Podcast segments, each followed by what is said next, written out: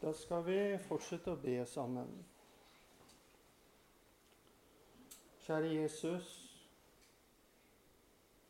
så takker vi deg fordi at du taler til oss. Du møter oss. Du åpenbarer sannheten og lyset, det som vi trenger.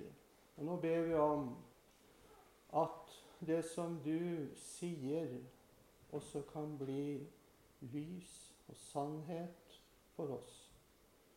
Vi ber om at du åpenbarer. Vi ber om at du gir din kraft til å virke, sånn at det blir mer enn ord. At det når inn, og at det får virke det som du vil i hver og en av oss. Takk at vi skal få legge denne stunda i dine hender. Amen. Vi skal være sammen om et lite avsnitt fra Johannesevangeliet i det tredje kapittelet. Og det er fra vers 14 til og med 21 som vi skal lese sammen. Johannes evangeliet fra vers 14.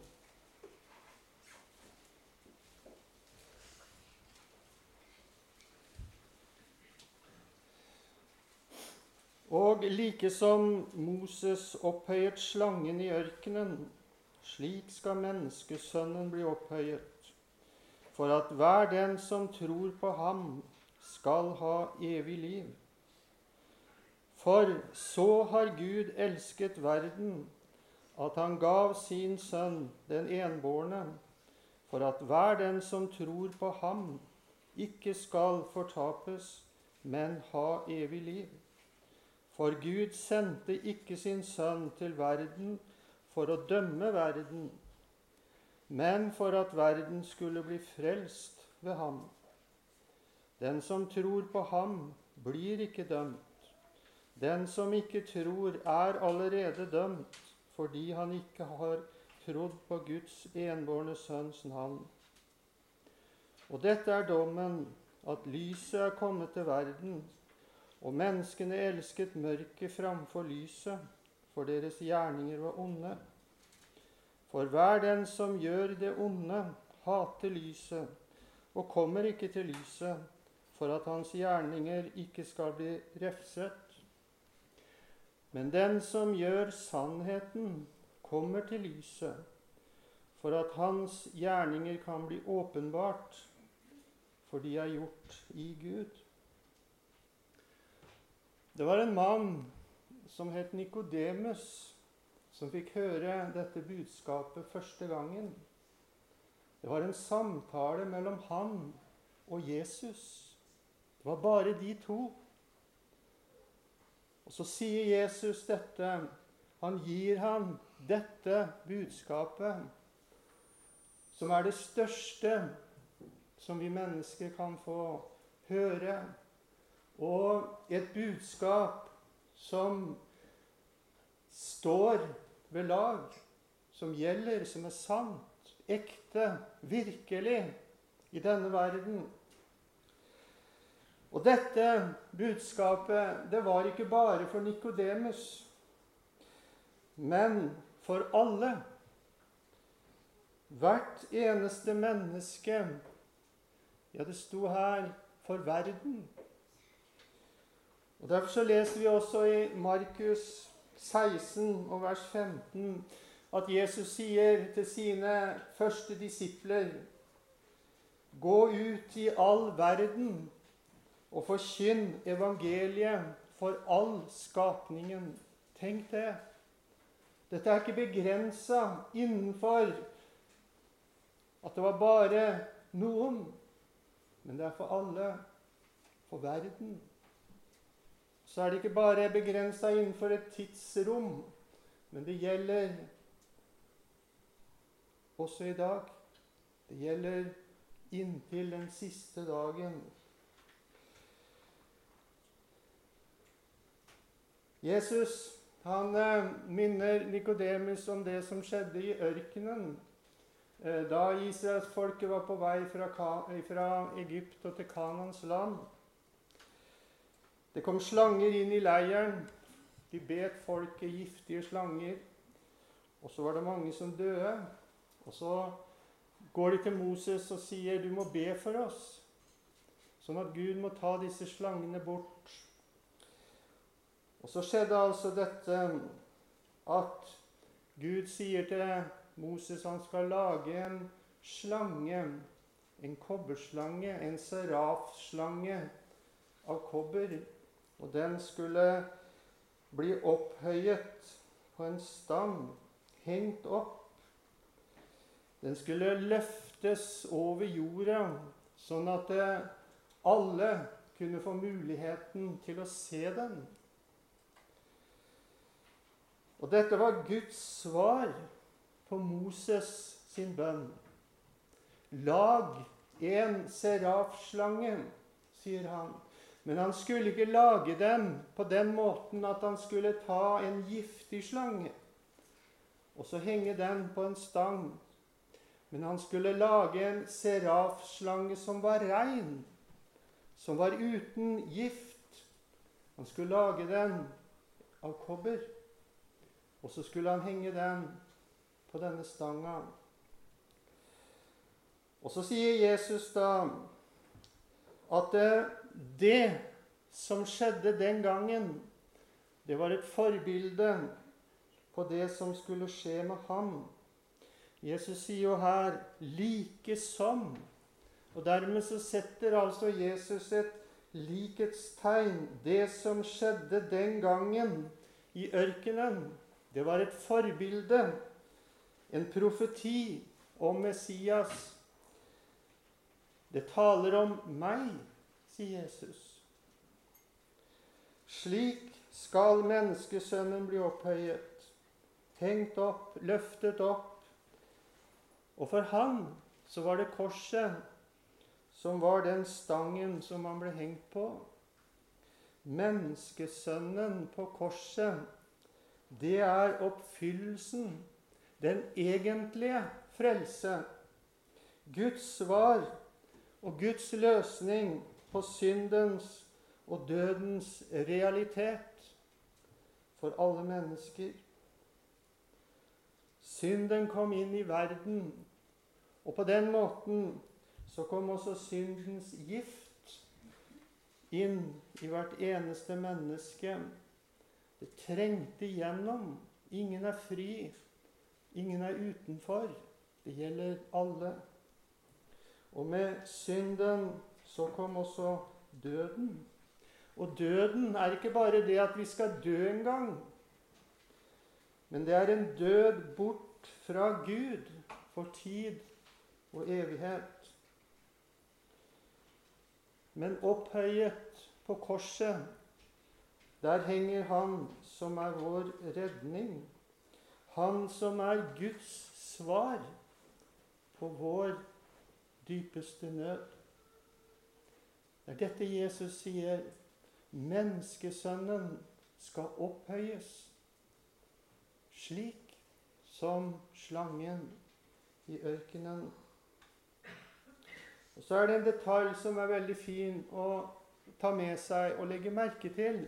Det er så mange detaljer i det som Gud gjør, som viser noe av denne fullkommenhet og storhet i alt det som Gud gjør. Mos, eh, Gud sa til Moses at han skulle lage denne serafslangen. Men den skulle altså ikke være en giftig slange. Den skulle være en ren slange. En slange uten gift. Han skulle lage dem, ikke ta dem fra marken fra de andre slangene. Og så står det om Jesus i 2. Korinterbrev 5,21. Han som ikke visste av synd, han som var ren, har Gud gjort til synd for oss. Ser du likheten? Ser du hvordan forbildet stemmer så fullkomment med det som er oppfyllelsen. Det var en som var ren, som ble opphengt på korset. Men han ble gjort til synd. Det var vår synd som ble lagt på ham, tilregnet ham. Og på den måten hang Jesus på korset. Han som var ren, men han hang der med våre synder.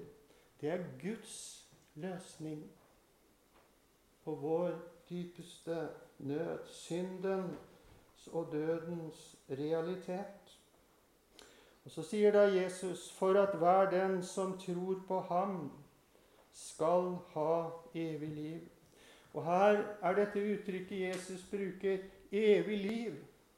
Det er altså et uttrykk for alt som blir gitt oss i Han som henger på korset. Det er liksom hele fylden, helheten, i dette evig liv, sier Jesus. Og Så sier han det altså sånn Ikke noe mer, ikke noe tillegg, ikke noe dersom. Men han sier, 'Vær den som tror på Han, skal ha evig liv.' Ser og tror. Så har vi dette som skjedde der i ørkenen. Alle som så på kobberslangen, de ble i live.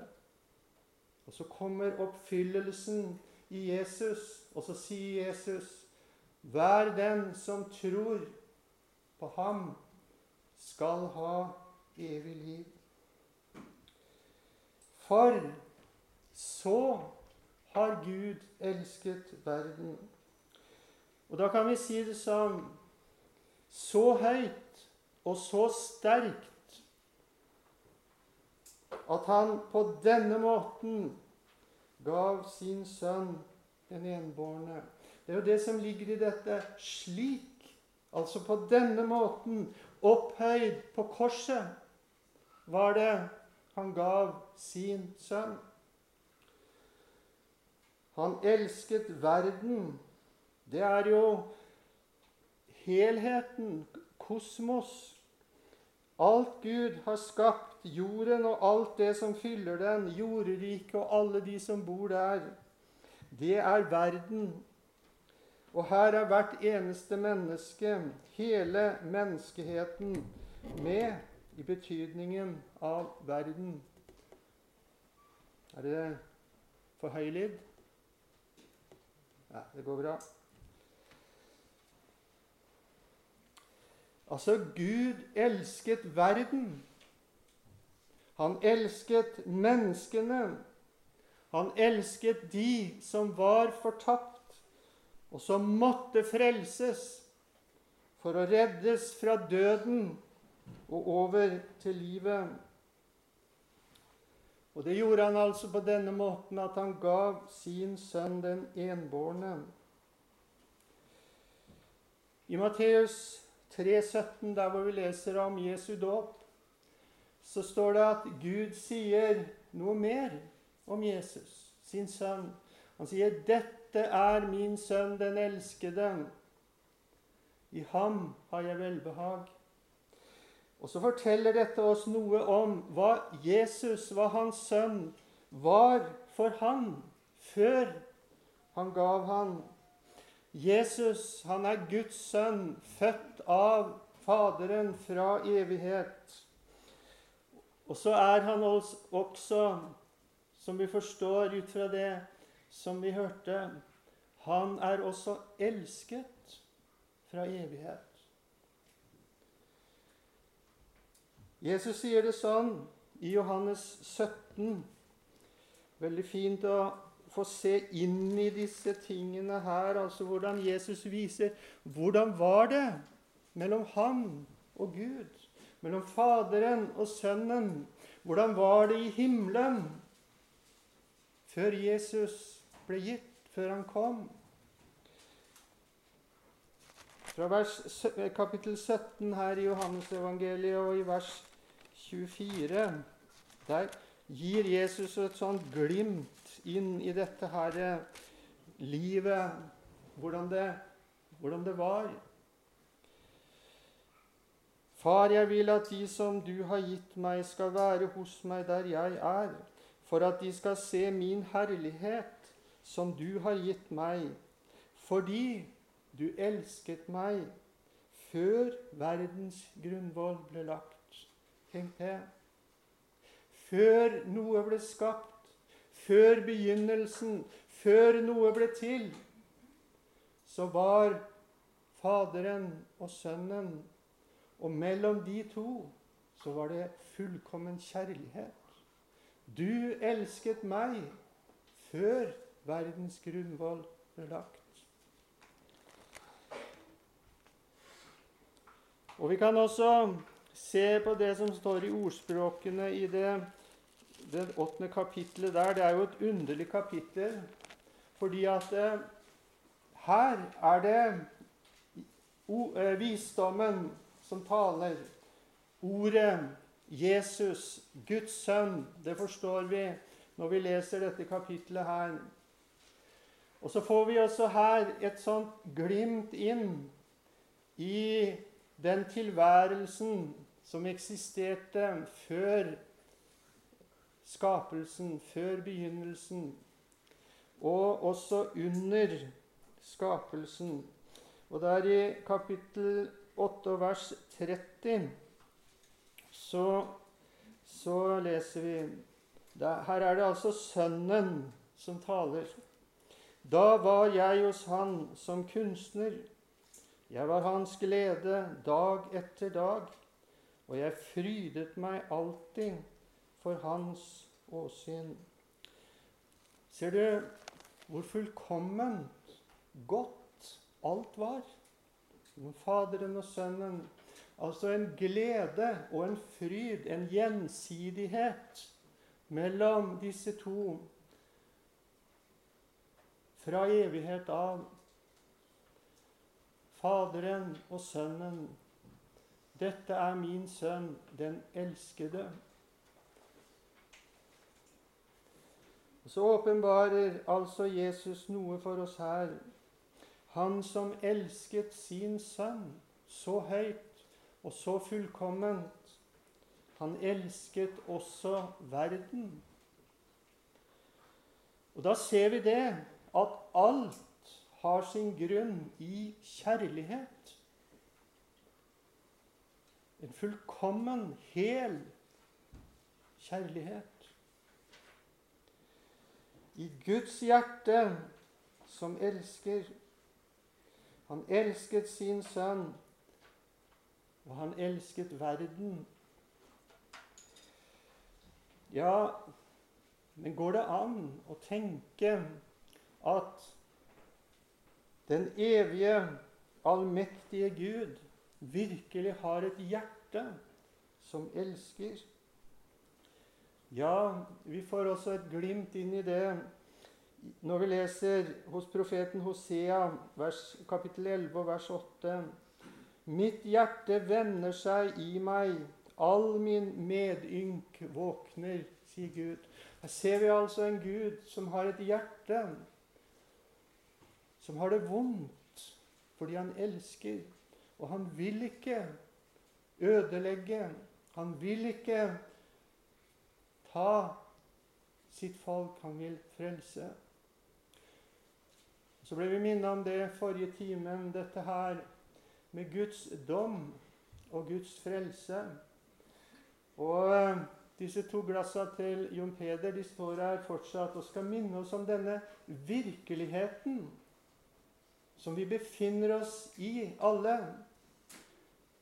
Det handler om disse to ting, enten frelse eller dom. Og Så ser vi da frelsen. Den ligger i det røde, i Han som Gud sendte. Dommen ligger i Guds hellighet, renhet, rettferdighet, sannhet så har vi disse to tingene vi står overfor. Det er dette som Jesus taler så sterkt til oss også her. Han elsket menneskene på jorden som var tapt og mistet på grunn av syndefallet. Og han elsket slik at han gav. Tenk deg dette. Forsøk å tenke deg inn i dette. Han hadde sin sønn som han elsket. Og er det noe vi ønsker å beskytte, verne, beholde, så er det jo det vi elsker. Er det ikke sånn? Det er ikke noe som vi så sterkere holder fast ved som det vi elsker. Og allikevel så står det her at Gud gav sin sønn som han elsket. Han beholdt han ikke for seg selv, men han lot verden få han som gave fra himmelen. Slik til å bli opphøya på korset. Med alt hva det innebar. Og Så kommer det da et foratt.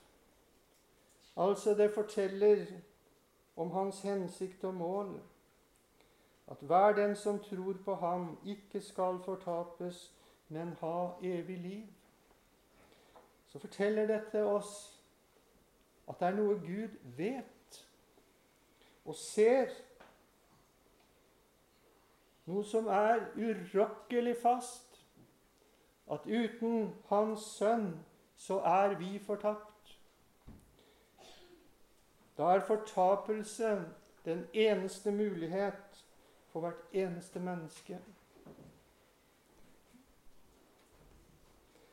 Og hva betyr det å fortapes? Ja, For det første så sier jo dette ordet oss at det handler om tap, om å miste. Fortapt, det er å være mistet for Gud. Altså borte fra Han, nå og i all evighet.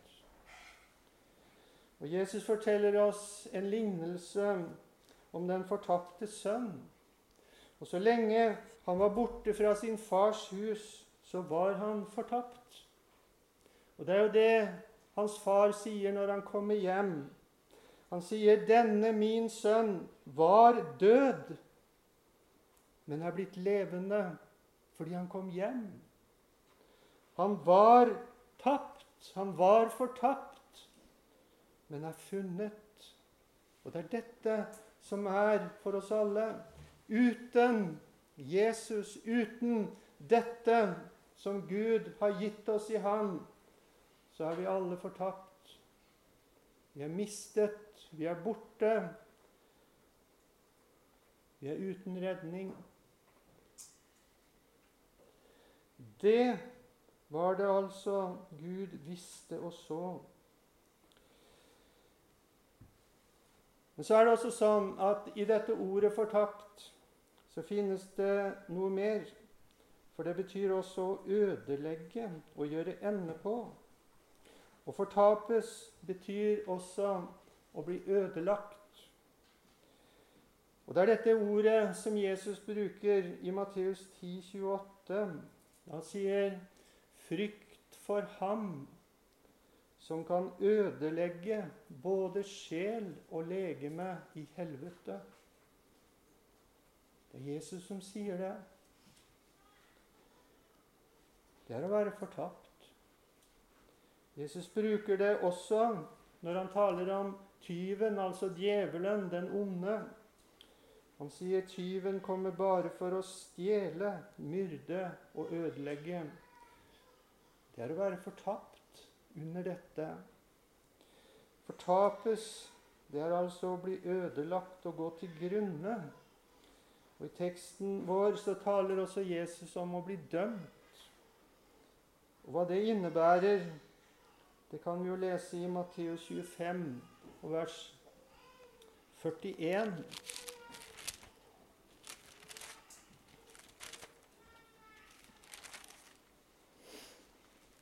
Så skal han si til dem på venstre side.: Gå bort fra meg, dere som er forbannet, til den evige ild som er beredt for djevelen og hans engler. det er å bli dømt. Vi hørte det så sterkt forrige timen at Gud må fjerne, utrydde det onde.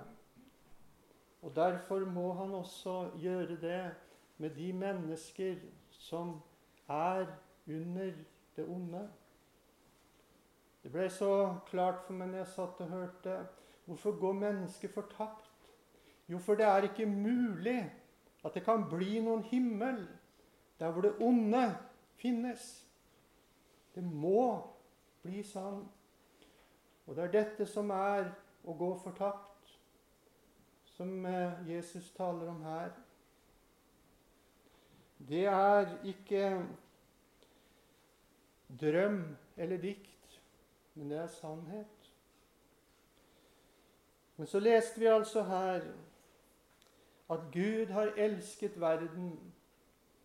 De fortapte alle mennesker, hele menneskeheten. Så han sendte sin sønn, gav sin sønn, som han elsket så høyt. Gav ham slik til å dø på korset fordi at ved dette etter at han ble opphøyd på korset, så kan hver den som tror på han, få evig liv. Altså bli frelst, redda fra fortapelse, ødeleggelse, den evige ild, og så få et evig liv. Tenk det. Og tenk at det ville Gud. Han sendte sin sønn for at han så han kunne. Han kunne det. Han makta det. På korset så var det mulig. Og så ville han. Gud sendte ikke sin sønn til verden for å dømme verden, men for at verden skulle bli frelst ved han. Det kommer en dommens dag, og Jesus er den som er satt til å være dommer over levende og døde. Men så er Guds kjærlighet dette at han først sender sin sønn for å frelse. Altså Det kommer en dommens dag da det er han, Jesus, som skal dømme. Men så kommer han altså først for å frelse. For å gjøre dette som gir oss den mulighet at vi kan bli frelst og ikke dømt. Han sendte ikke sin sønn til verden for å dømme, men for at verden skulle bli frelst ved han. Han gir han sin sønn. Og han, Jesus, gjør alt og han gjør nok til at vi kan få evig liv og bli frelst. Ja, slik at vi kan bli frelst uten gjerninger, uten betingelser, uten at vi skal ha noe som skal være rett hos oss. Har du noen gang tenkt sånn? Det må jo være rett med meg òg. Det kan jo ikke være sånn at alt er galt. Det kan jo ikke være sånn at liksom alt ligger på Jesus. Ja, Sånne tanker kan vi få noen ganger. Og så kommer dette veldig sterkt at det, det er noe som må bli annerledes også med meg først. Men så er det ikke sånn. Nei, Jesus, det han gjorde, det var alt og nok. Selv om alt er galt i ditt og mitt liv. Det holder. Det sier Jesus. For at hver den som tror på Han, skal ha evig liv.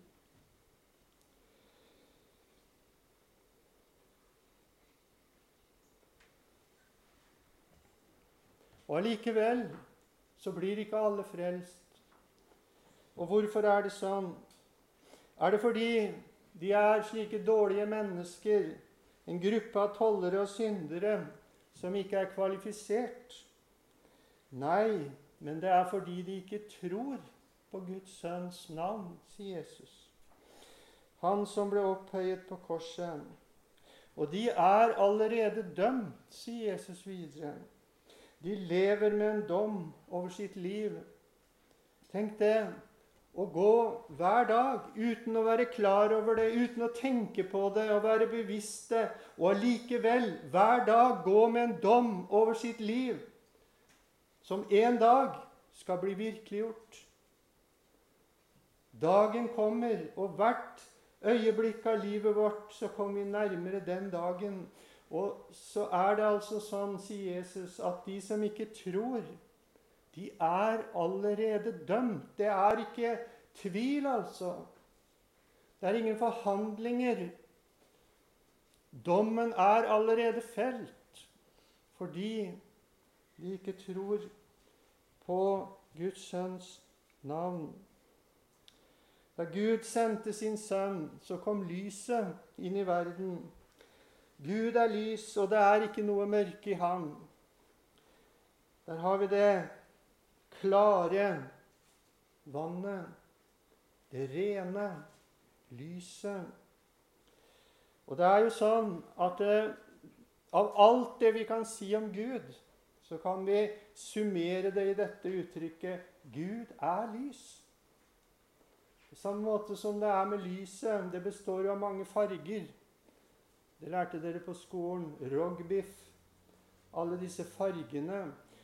Og det er jo så merkelig at disse fargene, når du samler dem, så er det lys. Da er det lys. Og sånn er det med Gud òg. Vi kan si mange ting om Gud, men summen av alt, det er Gud er lys. Så er det altså dette lyset fra Gud, og som Gud er, som også lyser for oss i Guds ord. Det står i ordspråkene 6.23.: For budet er en lykt og læren et lys. Så hold deg til budet og til læren, så har du også lyset. Og I Salme 119 og vers 105 Ditt ord er en lykt for min fot og et lys på min sti. Og vi hørte det også i det som ble lest til en åpning i dag, eller på møtet her, at eh, i Gud så er lys og sannhet noe som hører sammen. Send oss ditt lys og din sannhet. Lys og sannhet, det er ett i Gud.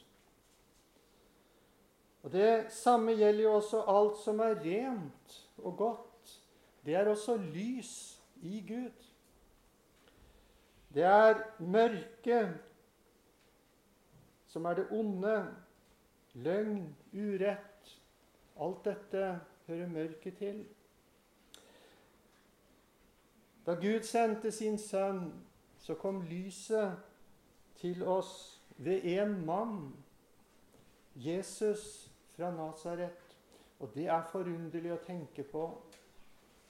Altså lyset, Gud, Guds lys, Gud selv, kom til oss i en mann, kjøtt og blod. Jesus fra Nasaret, født av jomfru Maria. Så ble altså Guds lys omsatt til levende liv, levd av en mann, et menneske. Jesus sier, 'Jeg er verdens lys'. Og han sier også, 'Den som har sett meg, har sett Faderen'. Så skjedde altså dette fantastiske at Gud lot lyset bli virkeliggjort gjennom sin sønn og det livet han levde, og det han talte og lærte oss.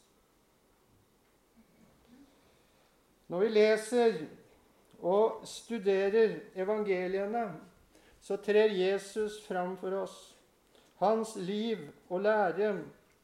Og så er det vår mulighet til å få komme til lyset, møte lyset, at lyset skinner for oss. Jesus sier, 'Jeg er verdens lys'. Den som følger meg, han skal ikke vandre i mørket, men han skal ha livets lys. Det er et flott uttrykk. Livets lys. Det betyr jo lys over livet, men ikke bare det. Det betyr lys i livet, inn i livet. Noe som opplyser også vårt indre. Det vi trenger for livet, for å leve. Jesus gir det. Han er verdens lys.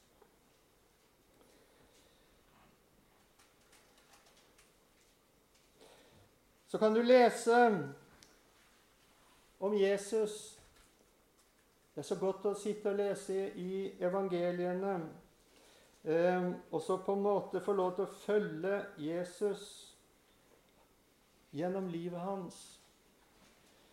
Og så opplever vi gjennom dette at eh, han er lyset for oss. Det gjelder på to måter. Fordi at, som jeg sa, lys og frelse, lys og sannhet, det er noe som hører sammen. Og det er dette vi også møter i Jesus. Lys og sannhet. Da Jesus kom til Jeriko, så stanset han ved treet der som Sakkeus satt. Og så ser vi hans kjærlighet og barmhjertighet lyse fram. For han brydde seg ikke om folkesnakk. Han visste veldig godt hva folk snakket om når det gjaldt Sakkeus. Han visste hvilken forakt de hadde for ham. De visste hvordan de avskydde denne mannen. Han var bannlyst blant de religiøse og fromme. Men Jesus stanser der. Han ser opp i treet, sier til han, 'Sakkeus, skynd deg og kom ned, for i dag skal jeg bli i ditt hus.' Så ser vi altså her hvordan Jesus bryr seg ikke om hva det koster han, hva det fører til for han. Han tar ikke hensyn til seg selv, men han bare tar hensyn til Sakkeus. Han bryr seg om én ting, og det er at Sakkeus skal bli frelst.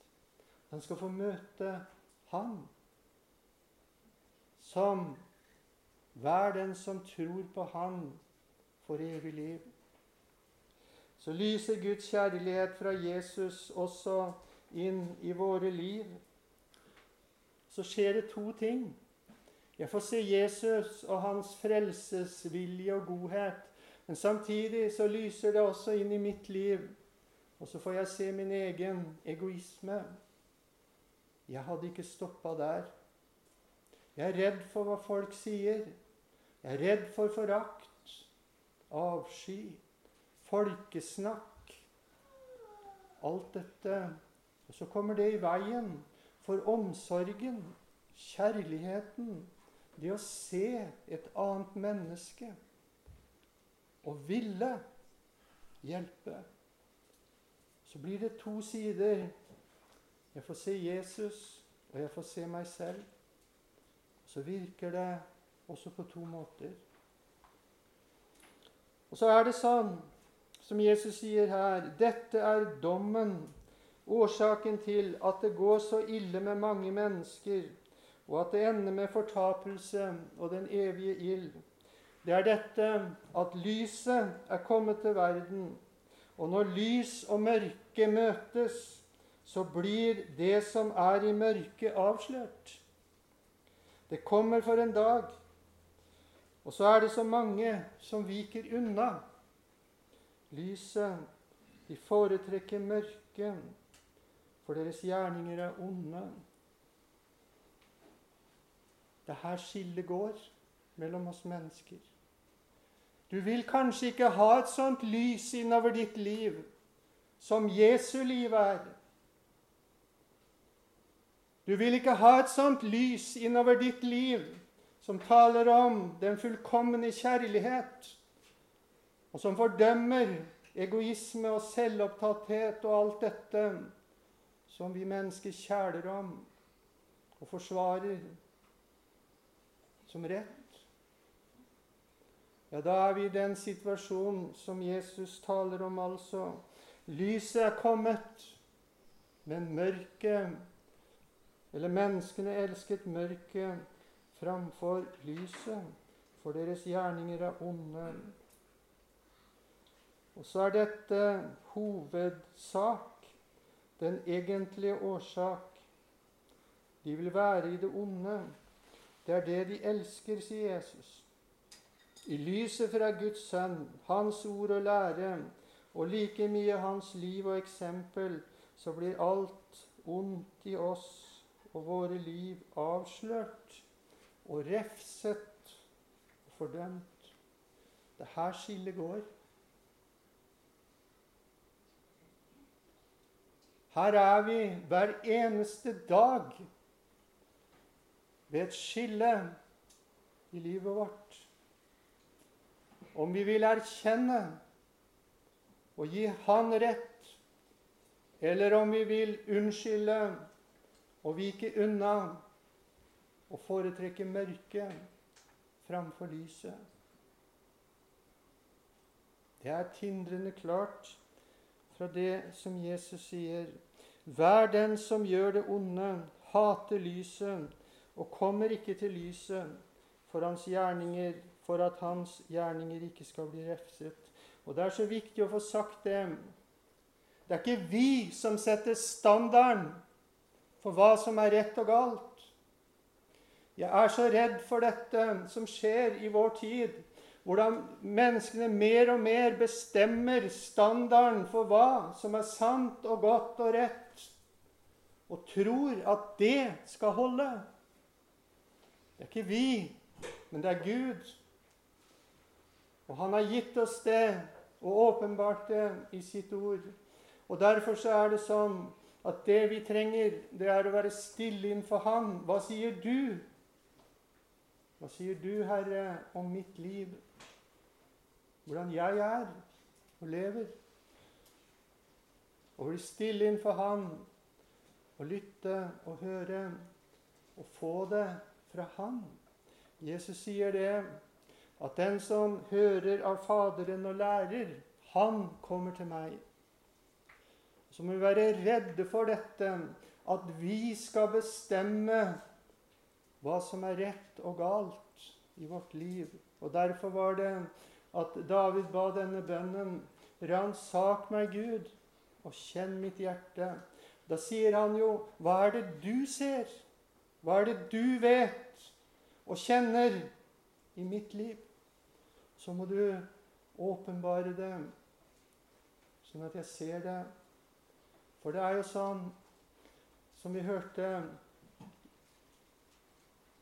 fra, det, fra Salme 80 For at vi kan omvende oss og bli frelst.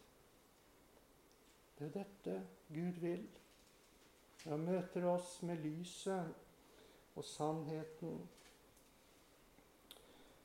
Det å ikke tro på Jesus er, er altså også dette å forkaste Han som lyset. Og derfor så går det også så ille. Det motsatte, det er, som Jesus sier i det siste verset her den som gjør sannheten, kommer til lyset. Er vi blant dem, da er lyset blitt vår venn. Det vi søker til, som David i Salme 27 og vers 1 Herren er mitt lys og min frelse. Hvem skulle jeg frykte? Herren er mitt livs vern. Hvem skulle jeg engstes for? Tenk å få ha det så sikkert og trygt som David gir uttrykk for her. Og hvordan kunne han vite det? At det, det var så sikkert, dette? Jo, for han sier Herren er mitt lys og min frelse. Han visste det, at det var der han hadde det. Han er mitt lys, og så er han min frelse. Tenk, frelse inn i dette som lyset åpenbarer. Det er for den som kommer til lyset. Og de som gjør sannheten, som Jesus sier her, de har altså et liv som er gjort i Gud, sier han videre. Og da tenker jeg at det, i det så ligger Jeg har ofte lurt på hva, hva, hva betyr egentlig det. Og Det er ikke sikkert at jeg kan gi en sånn hel og full eh, tolkning av det. Men jeg tenker i hvert fall har det noe med det å gjøre. Et liv som er gjort i Gud. Det er et liv som er i Han og ikke borte fra Han. Men i nærhet, i samfunn, hvor Han er både lys og frelse. Det er et liv i Gud.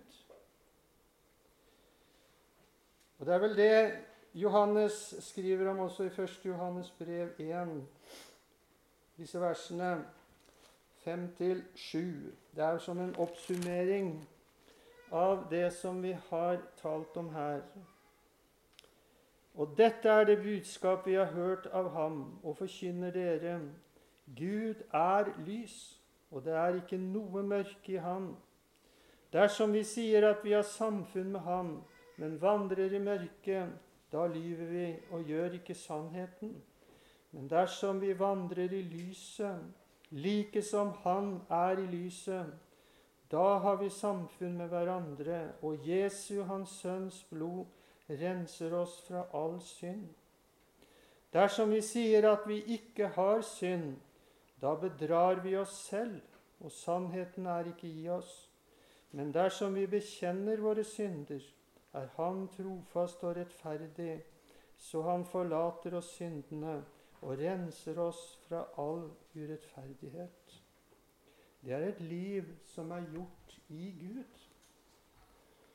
Så skal vi få lov til å leve der. Du skal få leve med Gud, et liv i Gud, på den måten at du lever med Han i Ordet.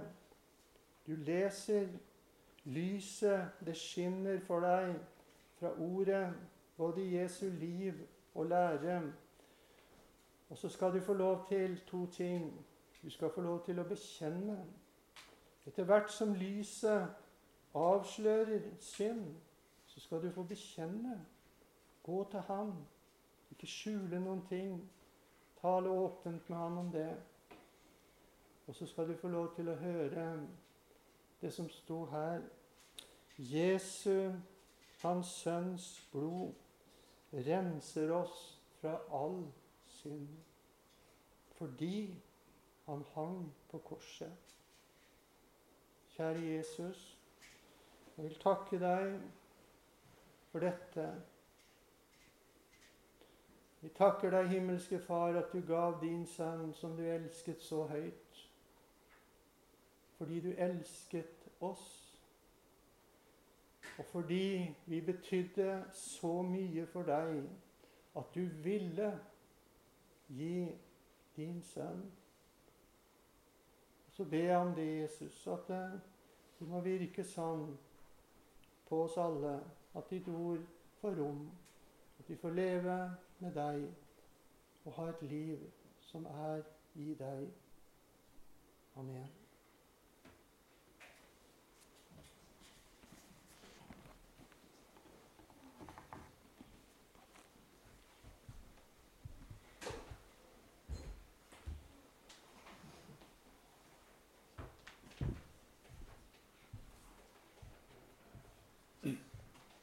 Takk for ordet som vi blir møtt med. Vi slår opp på 267. 267, så synger vi den. Og så får vi kanskje en sang eller to av det Per etterpå.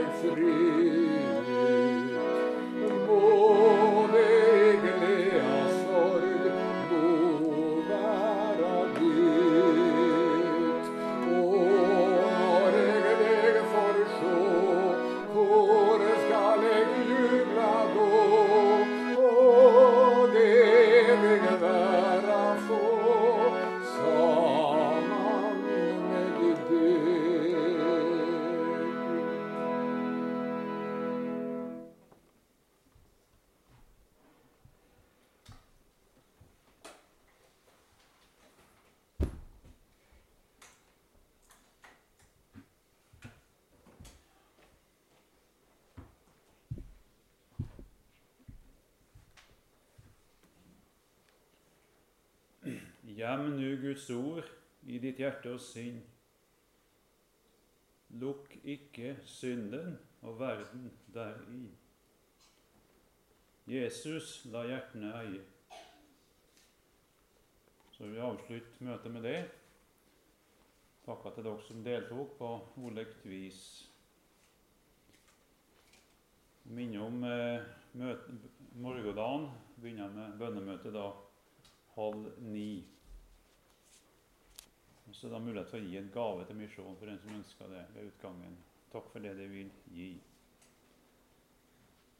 Rossignal er satt klokka 11, da. Så takk for nå.